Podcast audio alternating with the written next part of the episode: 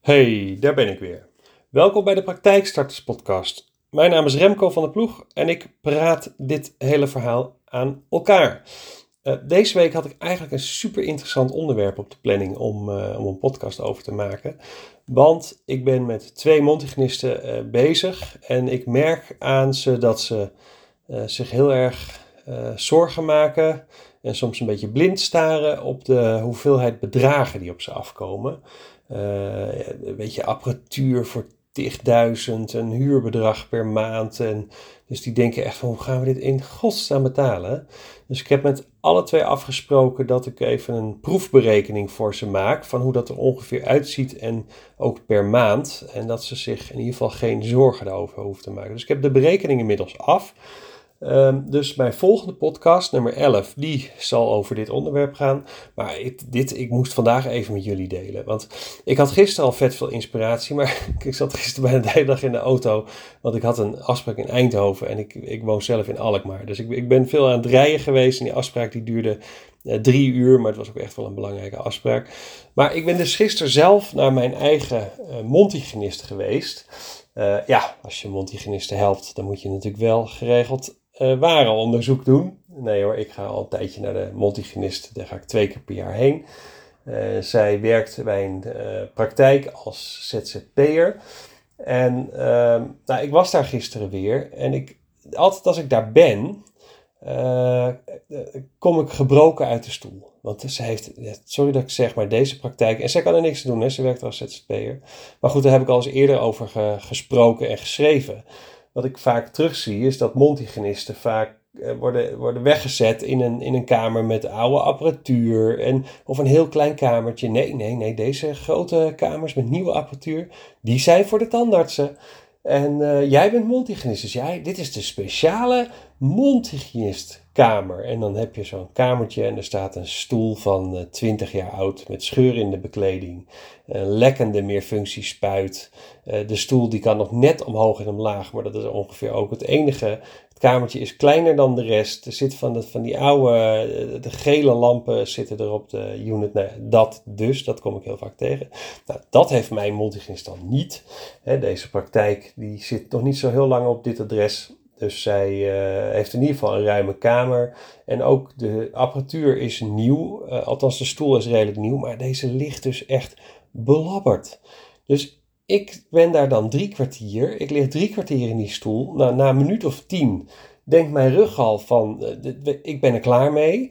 En dan moet ik nog heel lang. Dus ik lig daar echt, sowieso is, is naar de mondhygiënist of, en of de tandarts gaan ook niet mijn allergrootste hobby.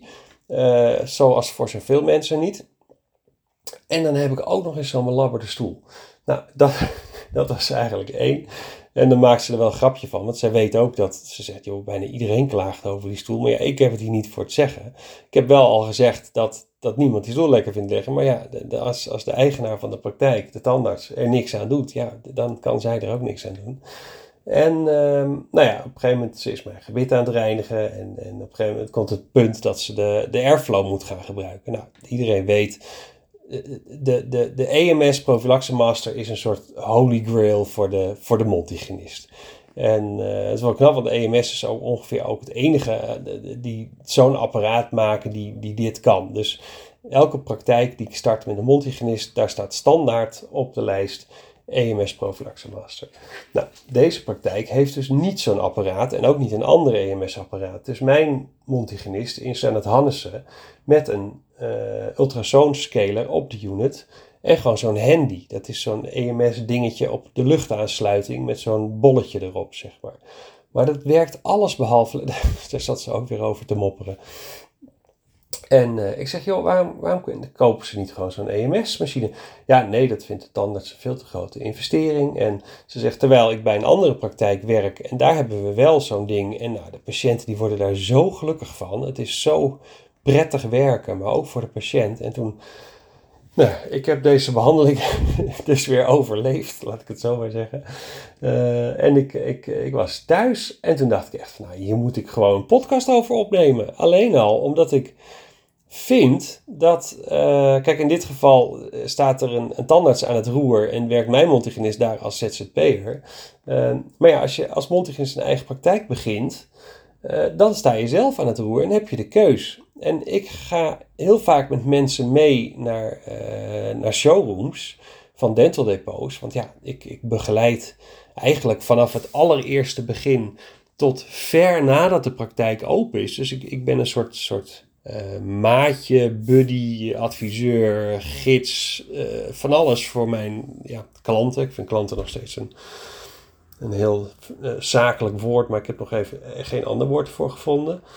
Um, dus ook dental depots horen daarbij. Hè. Ik ga ook mee naar, naar bezichtigingen van panden en naar, naar, naar een gesprek met de aannemer en met de bank. En, maar goed, ook een dental depot. En vaak zeg ik van joh, ga nou niet naar vijf dental depots, want dat heeft gewoon geen zin.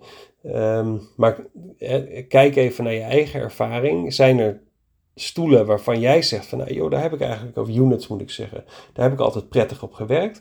Nou prima, waar verkopen ze die? Nou, dan gaan we daar in ieder geval kijken. En pak misschien nog twee andere, dat je in ieder geval ook wat vergelijkingsmateriaal hebt. En dan gaan we daarheen. Ik ben wel eens in, in gesprek geraakt met een multigenist en die was al een tijdje uh, bezig.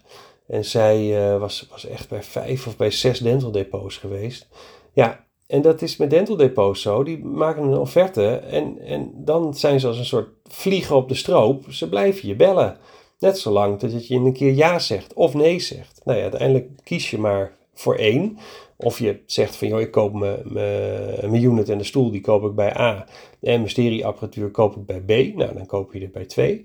Maar ja, dan moet je er nog uh, drie of vier moet je, uh, teleurstellen. Nou, dat, dat heb ik dan ook wel meegemaakt. Dat als je ze dan teleurstelt, want ik vind het wel netjes dat als je met iemand in gesprek bent geweest, dat je dan ook, als die het niet zijn geworden, dat, dat je die dan even laat weten van, joh, uh, mijn keuze is op een ander gevallen. Weet je, wellicht hè, zien we elkaar nog wel eens in de toekomst. Uh, dat vind ik ook prettig bij mij, hè, want ik heb ook wel eens mensen die zeggen van, nou weet je, uh, ik, ik ga toch uh, met mijn eigen financieel adviseur aan de slag. Vind ik ook goed. Hè? Ik ben daar heel relaxed in. Maar laat me dan even weten dat, dat je dat gaat doen. Dan, dan weet ik dat ook. Maar goed, ik, ik stal ook geen mensen. Weet je, als ik met iemand in gesprek ben geweest, dan doe ik gewoon een aanbod. En dat gaat wel door of dat gaat niet door. Maar ik ga niet mensen lopen stellen. Oh, weet je het al? Weet je het al? Want dat, dat zit gewoon niet in mijn aard. Dus dat, dat past niet bij mij als persoon. Uh, dus, maar goed, laat vooral altijd leveranciers die een offerte voor je hebben gemaakt, die tijd voor je in je hebben gestoken, laat die gewoon weten dat ze het niet zijn geworden. Uh, dan is het aan hun om erop te reageren. Kijk, ik heb met dental depots meegemaakt met sommige verkopers dat ze echt gewoon heel onsportief gingen doen. En ja, nou, belachelijk en ik heb zoveel voor je gedaan. ik denk, ja, als je op die manier uh, de relatie uh, afsluit, dan weet je in ieder geval één ding zeker: dat niemand dat, dat ooit nog bij je terugkomt, zeg maar. En ik, daarom zeg ik ook tegen mensen: joh, prima, ga gewoon verder met je eigen accountant of financieel adviseur. Als je nog vragen hebt, dan weet je me te vinden. En uh, nou ja, wellicht tot, tot in de toekomst. Nou, en ik heb meerdere malen meegemaakt dat dan na een paar maanden iemand alsnog kwam van ja, ja ik ben toch tot ontdekking gekomen dat mijn eigen adviseur niet zo heel veel verstand, wel heel veel weet van cijfertjes, maar niet zo heel veel weet van um, uh, praktijken. Dus ja, ik ben toch bij je. Nou, dan komen ze terug. Dat kan ook. Maar ja, ik laat altijd een deur half open staan. Maar goed, eh, dental depots, als ik dus meega, dan dwing ik ook altijd de mondhygiënist die ik op dat moment uh, bijsta, om zelf in die stoel te gaan liggen.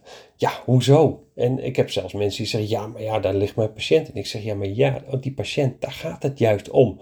En even terug te gaan naar mijn eigen ervaring met mijn mond. Het is echt een rotstoel. Ik heb rugklachten. Ik kan, ik kan mijn rug gewoon nergens kwijt. Ondersteund voor geen meter. Hij is wel breed genoeg. Dat is dan wel weer prettig. Sommigen hebben ook van die armleuningen erop. Nou, je moet je afvragen, komt een patiënt überhaupt in de buurt van die armleuningen? Uh, dus daar moet je altijd even naar kijken. Maar ik, ik dwing altijd in een showroom van ga op die stoel liggen. En als je zelf al denkt na een paar minuten van nou, hij, hij, hij wringt een beetje daar of wringt een beetje, dan moet je dus dat niet doen.